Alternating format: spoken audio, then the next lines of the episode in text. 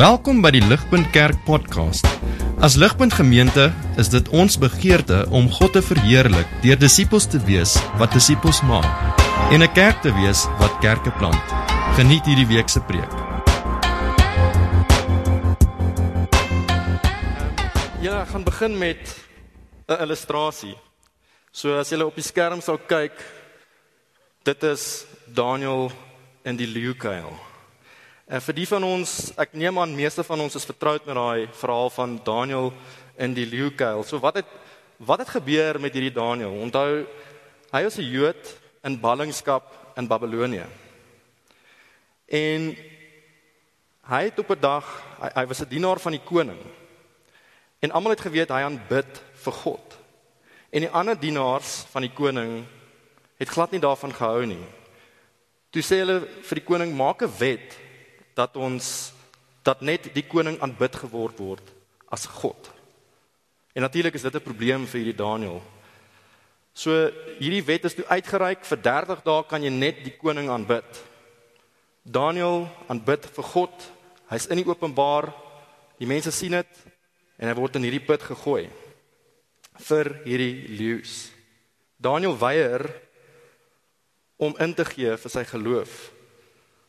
Maar julle dink net 'n bietjie vir 'n oomblik aan daai aan daai aan daai beeld van Daniël in die leeukuil. Hoor net die stemme van hierdie leeu, soos 'n put vreeslike kwaai leeu, hulle is honger. Die hele aand is hy stoksiel alleen in daai put. Wat sal deur jou en my gedagtes aangang as ons daar is in so 'n situasie? Alleen, vervolg vir geloof. Die omstandighede om my, dis net gevaar aan alle kante. Dis net leeu's.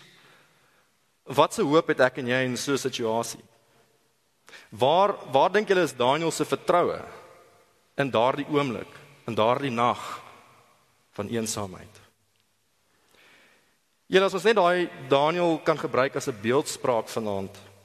Kan kan ek vir ons vra wat is die leeukuile waarin ons onsself bevind in hierdie wêreld? In ons aardse verdrukkings, die sondige wêreld en sy antagonisme teenoor Christene, teenoor my en jou wat 'n gelowige is. Ons vind onsself spreek woordelik in so in so leeukuil. En die vraag is waar lê lê jou hoop en vertroue? Waar is die objek waarin ek en jy moet vashou wanneer dit lyk of ons die geestelike stryd verloor? Aanins en dis belangrike vrae om te antwoord want ons almal het hierdie sondige geneigtheid in ons. Wanneer ons in so 'n situasie te is in ons aardse leeukuile, in ons geestelike leeukuile. Ons interpreteer ons omstandighede nie aan die hand van God se waarheid nie, maar ons interpreteer dit aan die hand van ons vleeslike natuur, ons ons ons eie perspektief. Ons vergeet van God en sy hand agter alles. Is dit nie so nie? Ons vergeet die feit dat Jesus Christus regeer en dis waaroor hierdie hele boek Openbaring gaan. Ons dink ons is alleen. Ons gemoedstoestand buig onder hierdie druk van die lewe. Daar waar ek swaar kry as gevolg van my kristendom by die werk, op kampus, in my gesin. Dis daar waar Jesus in daai oomblikke ons voel hy's hy's nie daar teenwoordig nie. En ons dink niemand het dit al deurgemaak wat ek deurgemaak het nie. Ons vra o Here, waar is U? Om my is daar net gevaar, daar's duisternis, daar's hierdie geestelike leeu's om my wat my enige oomblik wil kom verskeer. Het u van my vergeet? Ek dink dis dis dis dis baie keer ons situasie. So julle die groot vraag dan wat ons vanaand gaan antwoord en dit is op die skerm. Dit is die Wat het ons nodig om te volhard in ons geloof gegee die verdrukkings in Engels is dit ons tribulations wat ons beleef in die wêreld. Here, julle wat is die die regte perspektief wat ek en jy moet hê vanaand in ons lewe nou in in hierdie wêreld? Hierdie wêreld wie se God die Bybel sê is die duiwel, die Satan. Nou julle net om 'n bietjie terug te gaan in die geskiedenis, dis presies dieselfde vraag wat die sewe kerke van Openbaring ook gevra het. Onthou julle in die tyd, dit is in die tyd van die Openbaring uh, wat Johannes ontvang het Dis ongeveer 95 na Christus. So die kerk is nog jonk. Ehm um, Dis in die eerste eeu. En daar was al klaar hierdie elemente van vervolging. Die Romeinse ryk, soos baie van ons sal weet, hulle raak toenemend meer vyandig gesind teenoor hierdie teenoor hierdie Christelike beweging. En nie net uitdagings buite die kerk nie, maar daar's hierdie kragte ook binne die kerk wat in die kerk inbeweeg. Valse leer byvoorbeeld. Daar's dooie geloof. En dit is ons gaan dit meer uitpak soos ons verder in die tekste gaan ehm um, met die weke wat kom. So baie Christene het het al hoe meer ervaar hoe hierdie druk meer en meer en meer word en hulle begin vra. Hoor die ouens, waar waar is Jesus? Hoekom is daar soveel verdrukking nie net buite die kerk nie, maar ook hier binne. Kyk wat gaan aan hier. Ons sien dinge lyk nie so lekker nie. Hulle bevind hulle self in hierdie spreekwoordelike leeukuil, as jy wil, van verlatenheid, wanhoop en en en mismoedigheid. Die vraag is, hoe gaan hulle volhard in die situasie waarin hulle self bevind? Dis die vraag wat hulle ook vra. En en wat moet hulle onthou in hulle onsekere tye? En dis waar hierdie boek Openbaring nou inkom. Dis 'n woord op sy tyd. En dis 'n woord vir ons vanaand ook. Jesus openbaar homself in hierdie apokaliptiese wyse in sy glorie en deur middel van Johannes kom en hy keer hy aan hulle die waarheid rondom alle wêreldgeskiedenis. Hy bemoedig die kerk om te sê om te volhard deur om die regte perspektief te kry kry die regte perspektief oor dit wat regtig aangaan. Ja, die kerk gaan deur verdrukking, julle sê die woord. Ja, die groter samelewing is teen julle. Maar onthou Christen, wie sit op die troon van die heelal? Wie sit daar en wie regeer? Dis wat hierdie boek vir ons na toe wil terugroep, soos dit vir hulle wil teruggeroep het. En dis hoekom ook die teks vir ons so behulpsaam is. Hier is die beginpunt van Johannes se brief aan die kerke. Dis 'n intieme kommunikasie. Onthou 'n brief is iets intiem, soos Poen laasweek genoem het. Dis as jy 'n brief gee vir jou geliefde, dis iets intiem en iets persoonliks. En dis presies wat vanaand hier aangaan met hierdie brief wat Johannes gaan gee aan die kerke, maar eerstens voor dit is daar die visie van Jesus. En dis om ons te herinner aan die eintlike waarhede in die leeukuile waar ons onsself bevind. Jesus roep ons in daardie brief broer, suster, onthou hierdie een ding vanaand. Waar jy jouself bevind. En ons gaan vanaand sien wat daardie een ding is. Julle ek is regtig opgewonde om hierdie woord te bring. So mag die Gees ons regtig bemoedig om dit te sien. So ons gaan kyk na die hand van daarna aan die hand van drie punte. So ons eerste punt gaan ons fokus op verse 9 tot 11. Volg my saam op die skerm. En hierdie verse is basies net Christen, die Christen of Christene, hulle is mense in verdrukking. Dis wat ons eerste moet besef. So voor ons sien wat ons nodig het om te volhard in ons geloof, in my en jou situasie. Ons het nodig om te besef dat die Christen deur alle eeue heen deur verdrukking gegaan het. Tribulation is die Engelse woord. So dis interessant daai woord verdrukking beteken nie net vervolging nie. Ons dink baie keer as ons dink miskien dat verdrukking is net vervolging. Swaar kry in die Christelike lewe is net persecution. Maar ver, vervolging is 'n aspek van verdrukking. Verdrukking is die wyeer konsep. So dit sluit vervolging in, maar dis ook baie meer as dit dit dit Hierdie woord verdrukking skep hierdie idee, dink soos aan 'n vrug, soos 'n soos 'n lemoen. En en iemand kom met hulle hande en hulle begin so druk. En is amper asof die sap begin so uitdruk. Dit dit is hierdie idee van hierdie magte van die duisternis wat van buite af die kerk wil kom vernietig. En ook van binne en van bo en van onder en van regs en van links, soos die leeu's en die leeukuil. So volg my daar saam asseblief in in julle blaadjies en kyk saam met my daar die eerste vers, vers 9. Hoor wat sê Johannes? Dis baie interessant. Hy sê ek Johannes julle broeder en deelgenoot in die verdrukking en in die koninkryk en lydsaamheid van Jesus Christus was op die eiland wat Patmos genoem word ter wille van die woord van God en om die getuienis van Jesus Christus. So julle Jesus sien ons al klaar die omstandighede waarin Johannes skryf. Hier is die vraag: Waarom is hy op hierdie eiland Patmos? So dis 'n eiland aan die Weskus van Turkye. Vandag se Turkye.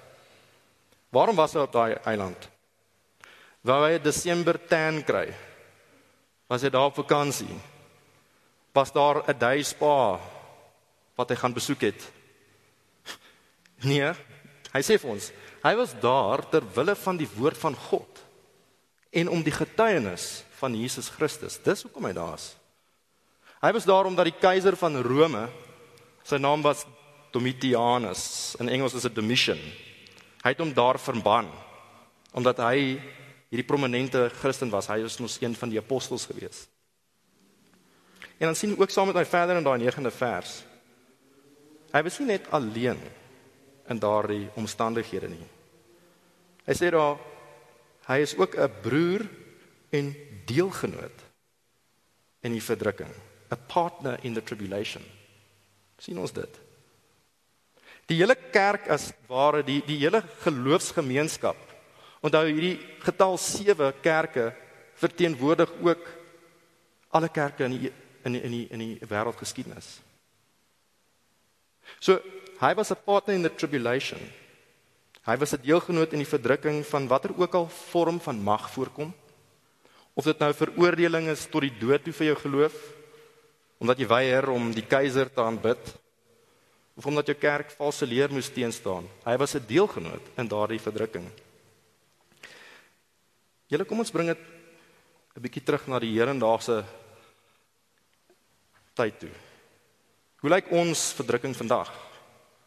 Hoe lyk verdrukking in in jou lewe? In my lewe? Watse uitdagings vind ons daar as Christene? in hierdie wêreld. Ja, daar is hierdie vervolging vandag wat ons hoor soos in lande van Noord-Korea. Ons hoor daai stories in Sentraal-Afrika. Christene se koppe word afgekap, hulle kinders word op geëksperimenteer omdat hulle Christene is. Daai is waar. Maar hoe lyk verdrukking in ons tyd nou vanaand in jou lewe en in my lewe? Miskien as ons kyk na familie. Miskien is jy die enigste persoon wat glo in jou gesin. Miskien het jy broers of susters of familie of jy's getroud met iemand wat ongelowig is. En in beide gevalle daar word jy getart vir jou geloof. Jy word gesê jy's simpel om te glo in hierdie Jesus. Jy weet jy word bespot. Ander mense sê dalk in jou familie, "Ja, jy neem Jesus heeltemal te ernstig op." Relax, bro. Miskien is jy 'n student op kampus. En daar op kampus al jou vriende, hulle is hierdie ateëste, miskien baie van hulle is dit of daar's hierdie tolerant Christians. Hulle ag alles as geoorloof ehm um, in die samelewing en hulle is teen hierdie gedagte dat Jesus die enigste weg is na die Vader toe.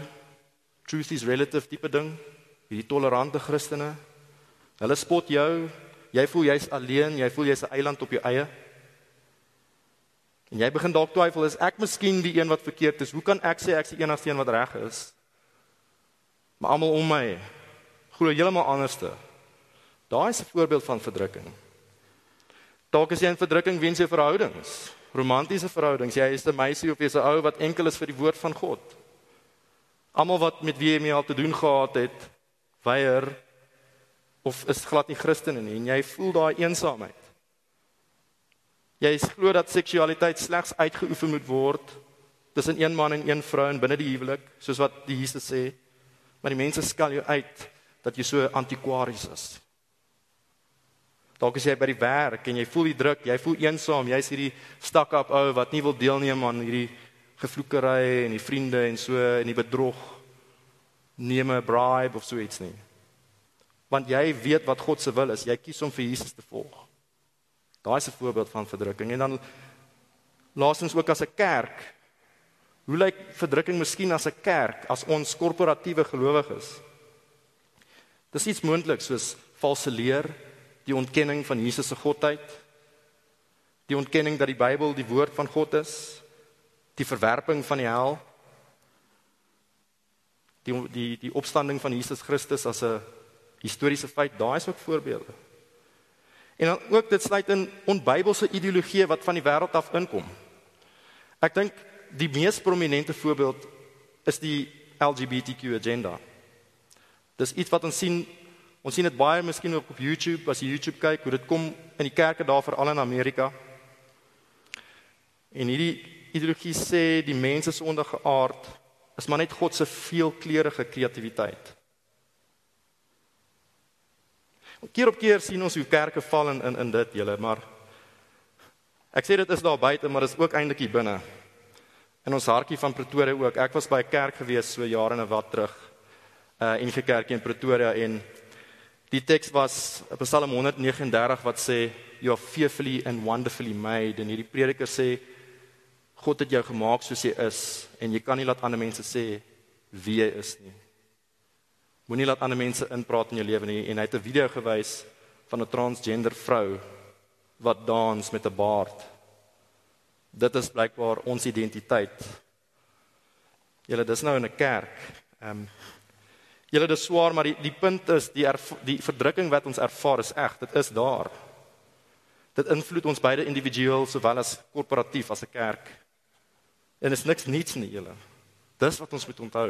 Dis eintlik 'n bemoediging. Dis niks niks niets nie. Ons gaan nie deur iets wat die kerk nog nooit beleef het nie. Maar die vraag is aan ons persoonlik. Beleef jy enige van hierdie verdrukking, vriend en vriendin vanaand? sien jy miskien 'n element van dit in jou eie lewe? Voel ons siele daai drukking van die gees wanneer ons die goed sien daar buite in ons kerk? En dit dit laat ons dit laat ons nie lekker voel nie. Ons sien iets is nie reg nie. Of voel jy maar eintlik gemaklik in hierdie wêreld? Al sê jy jy's 'n Christen. Voel jy jy het nog nooit verdrukking ervaar, wat enige enige vorm dit ook al mag wees? Wees eerlik, vriend. Is die wêreld jou vriend? Onthou Jesus het gesê aan sy disippels, if the world hates you, know that it hated me before it hated you. Vriende, Jesus het gesê die kenmerk van 'n ware gelowige in hierdie lewe is nie gemak nie. En is verdrukking. Dis die realiteit.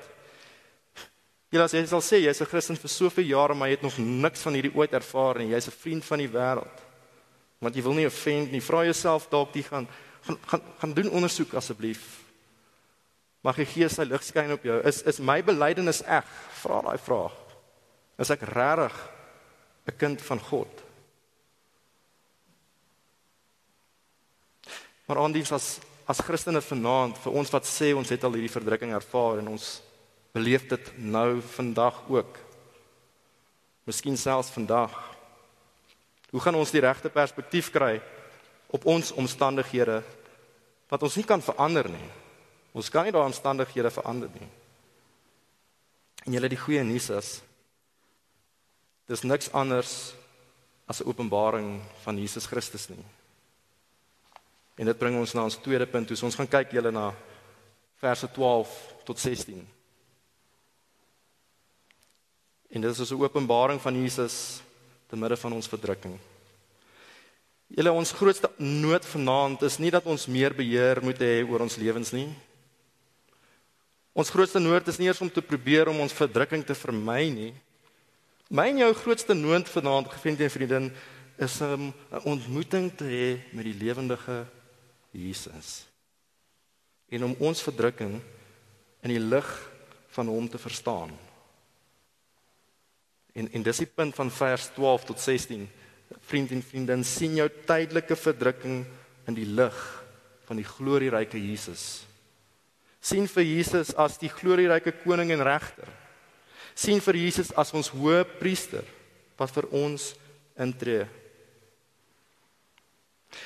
So Johannes skryf hier vir ons beskryf hierso vir ons hierdie majesteuse visie van Jesus. Ons moet dit nie miskyk nie. Op die oog af, julle, dit klink baie vreemd as jy as ons net hierdie lees. Wat gaan hier aan? Wat beteken al hierdie dinge van Jesus? Maar as ons as ons net so 'n bietjie dieper dieper gaan kyk. Hierdie woorde wat Jesus beskryf kom eintlik in die Ou Testament voor. Die rykheid van God se woord word so gedemonstreer. Gaan kyk in die Ou Testament. En dit word toegepas op Jesus daai woorde. En die interessante ding is dit wat in die Ou Testament voorkom wat nou van Jesus beskryf word hier in die Ou Testament word toegepas op Yahweh. Dis die Here. Dit is God Almagtig.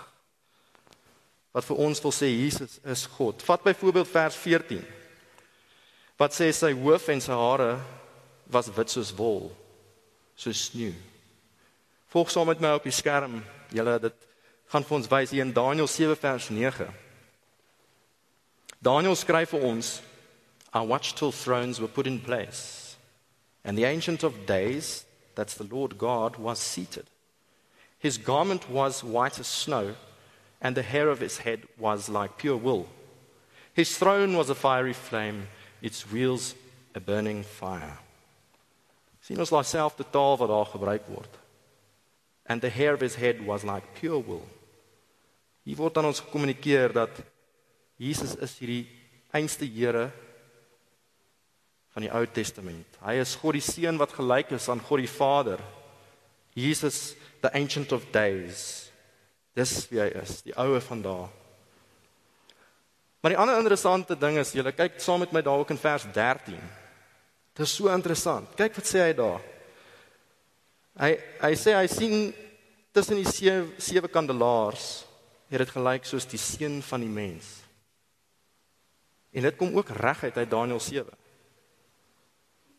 Kyk saam met my weer wat sê Daniël 7 verse 13 tot 14. Daniel sê die volgende: I was watching in the night visions. And behold, one like the Son of Man, coming with the clouds of heaven. He came to the Ancient of Days, to Yahweh the Lord, and they brought him near before him. Then to him was given dominion and glory and a kingdom, that all peoples, nations, and languages should serve him sien ons daai interessante ding wat hier aangaan.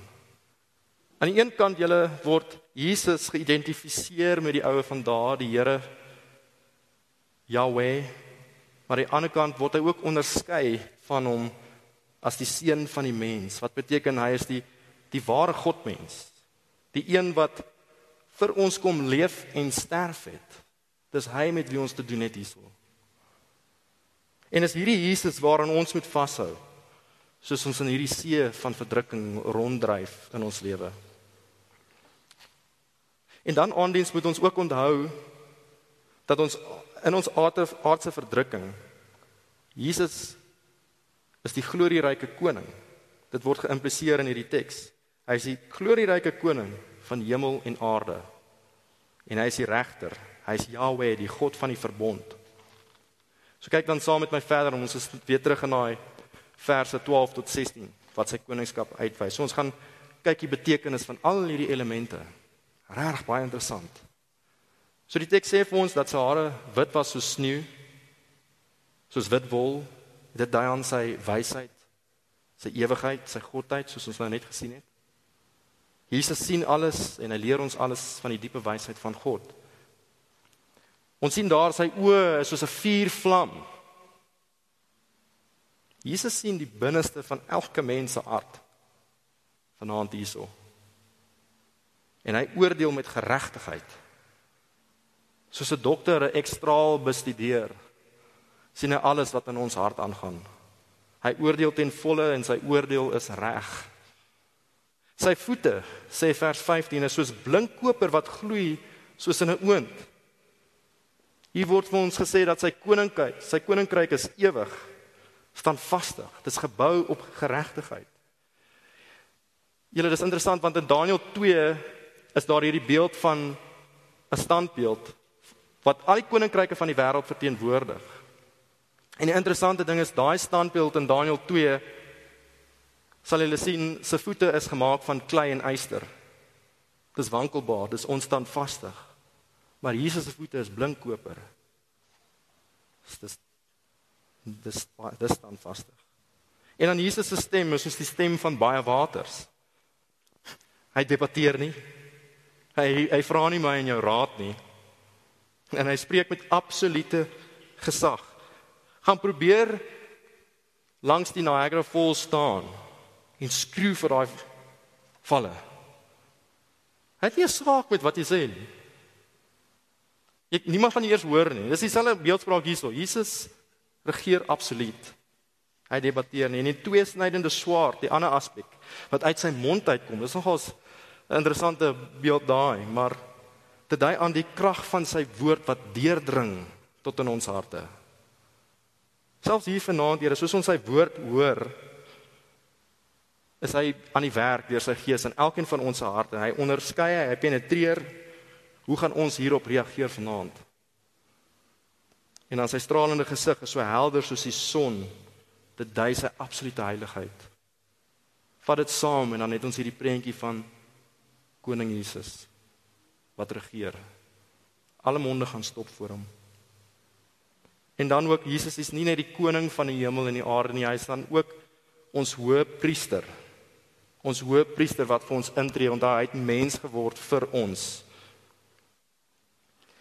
sien daar weer in verse 12 en 13 dat Jesus staan tussen hierdie sewe kandelare en hy het aan hierdie lang kleed met 'n goue gordel om sy bors. Dis dit is dit is taal van die Ou Testamentiese priester.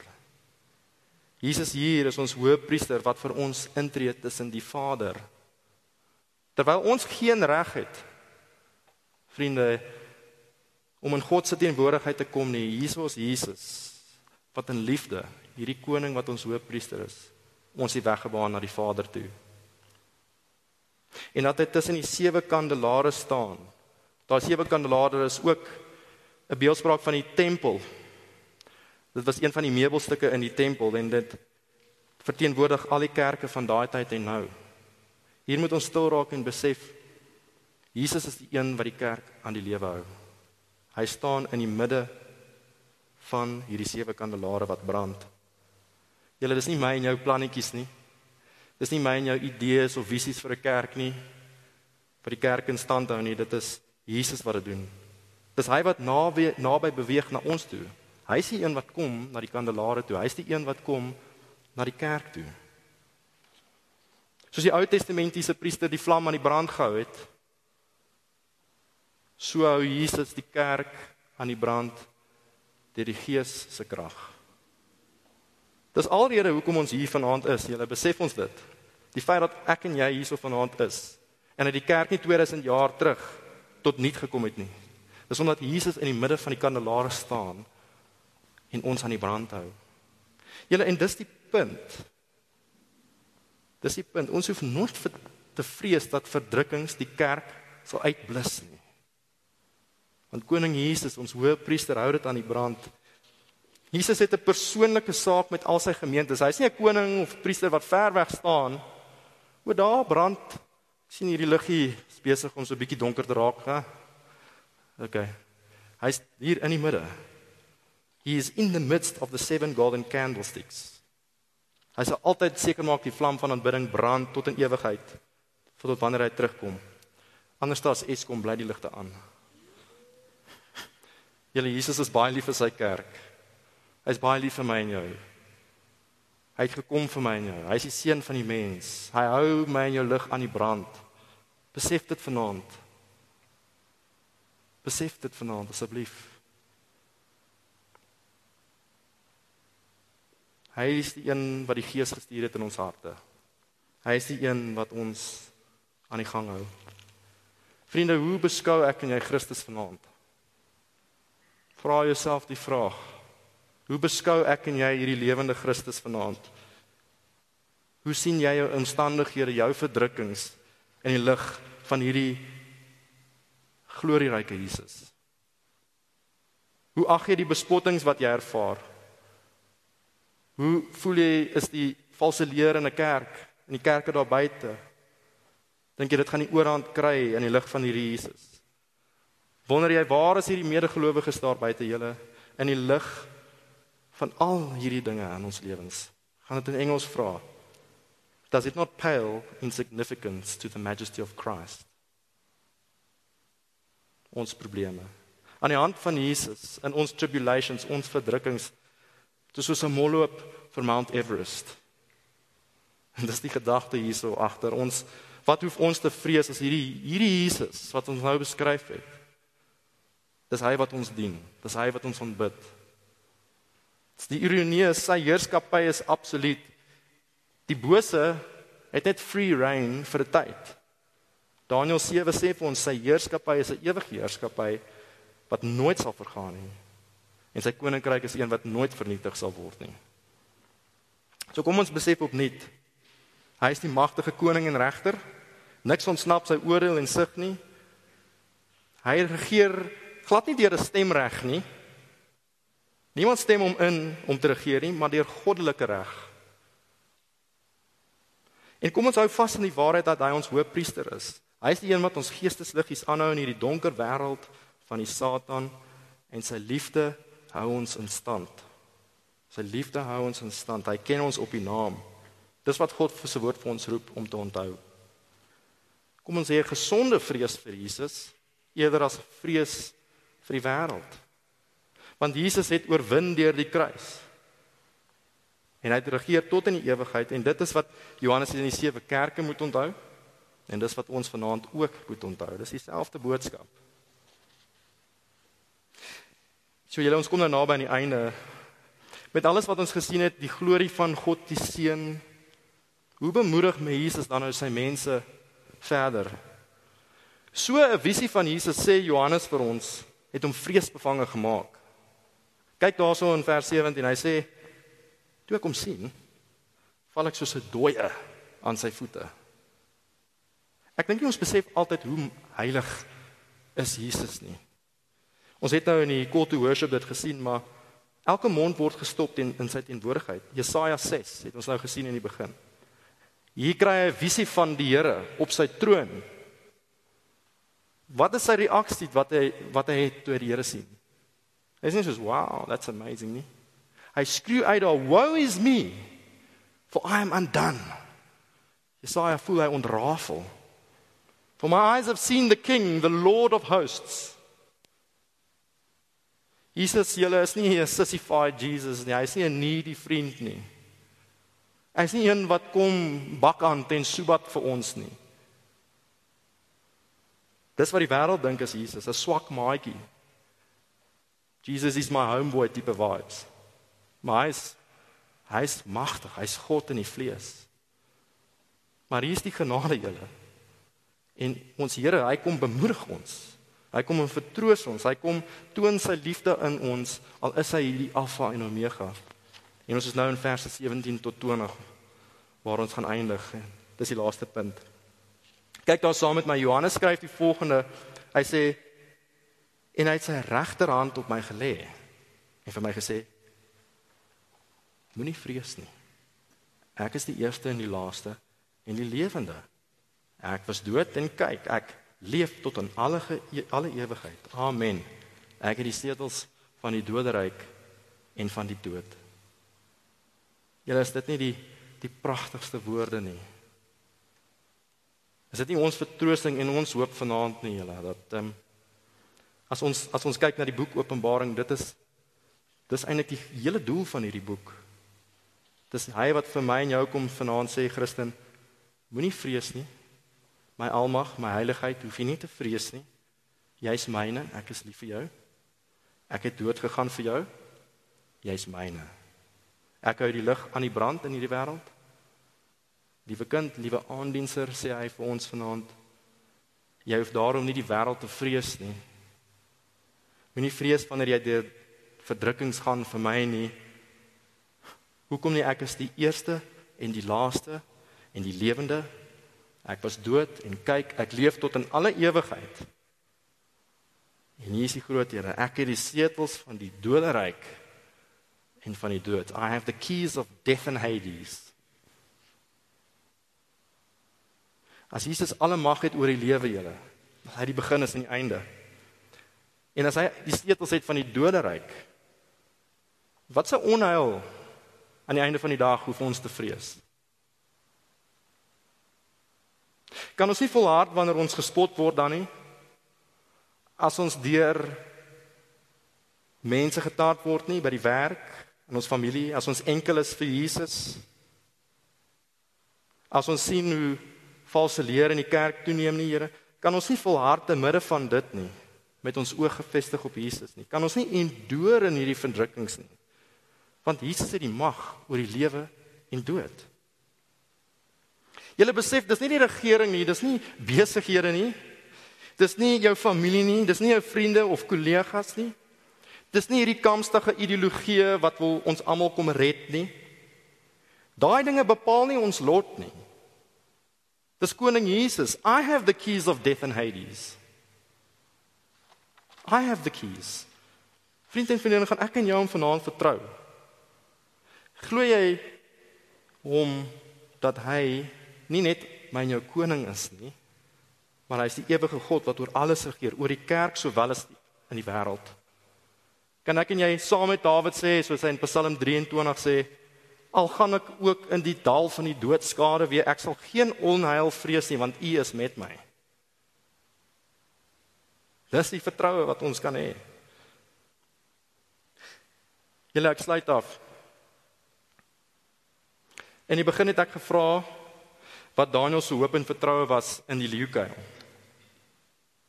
Toe Daniël uit die leeukuil getrek is en hy's lewendig uit. Die teks sê vir ons daar in Daniël hoofstuk 6 vers 23 Daniel was taken up out of the den and no kind of harm was found on him because he trusted in his God. He trusted in his God. Julle is ons soos 'n gelowige in hierdie wêreldse omgang soos in 'n leeukuil. Omring deur duiwelse gevaar daar buite, verdrukking van alle kante. Kan ons nie wees soos Daniël nie met ons vertroue in Jesus gefestig nie. Hierdie magtige God, mens, koning, regter en ons hoëpriester nie. Wat het ons meer nodig? Wie het ons meer nodig? Hy is die een wat mag het oor hierdie monde van die spreekwoordelike leeu's daar buite. Hy is die een wat mag het oor ons verdrukkings. Want hy is die begin en die einde, die alfa en die omega. Julle as ons as dit ooit moet kom dat ek en jy ons lewens ooit moet dan neerlê vir Jesus. Ehm um, smeek ek vir julle, onthou asseblief hierdie woorde wat Jesus sê. Hy sê fear not. I am the first and the last and the living one. I died and behold I am alive forevermore. And I have the keys of death and Hades. Wat is verwerping in die lig van in die wêreld as God jou sy kind noem? So kom ons neem hierdie woorde vanaand ernstig op. Kom ons kom ons hou vas aan hierdie belydenis van Jesus wat hy van homself openbaar.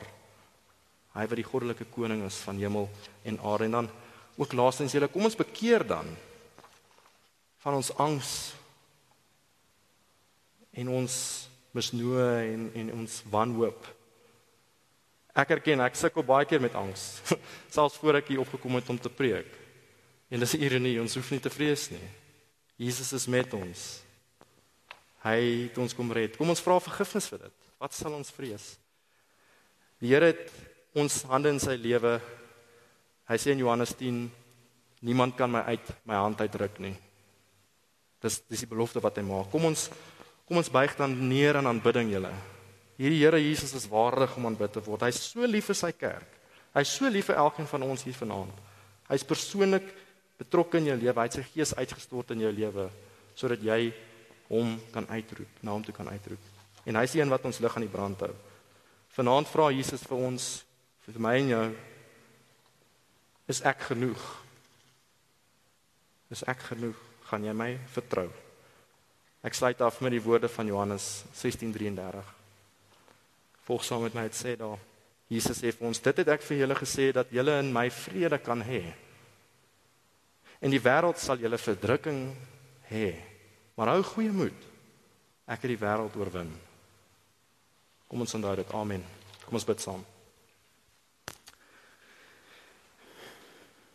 Here Jesus, ons wil U naam net loof en prys en vir U dankie sê, Here dat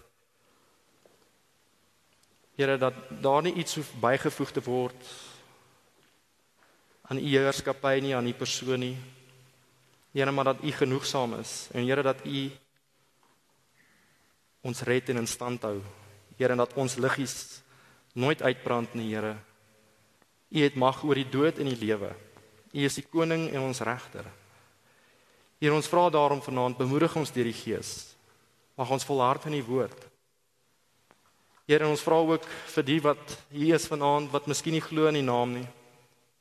Here dat hulle harte versag sal word. Here dat hulle sal bekeer ook van om baas te speel oor hulle eie lewens, Here. Daar's net een plek op ons troon in ons harte, Here. Dis of self of is U. Here, ons bid daarom dat U U geregtige plek sal inneem. Ons dank U, Here, dat U met ons is. Here, ons dankie vir die liefde wat ons nie verdien nie. En ons dank U, Here, vir die bloed wat ons skoon gewas het. Dat ons hier vanaand kan wees as U kinders. Ons dank U, Here. Amen. Vir meer inligting oor Ligpunt Kerk, besoek gerus ons webwerf op www.ligpunt.com of kontak ons gerus by info@ligpunt.com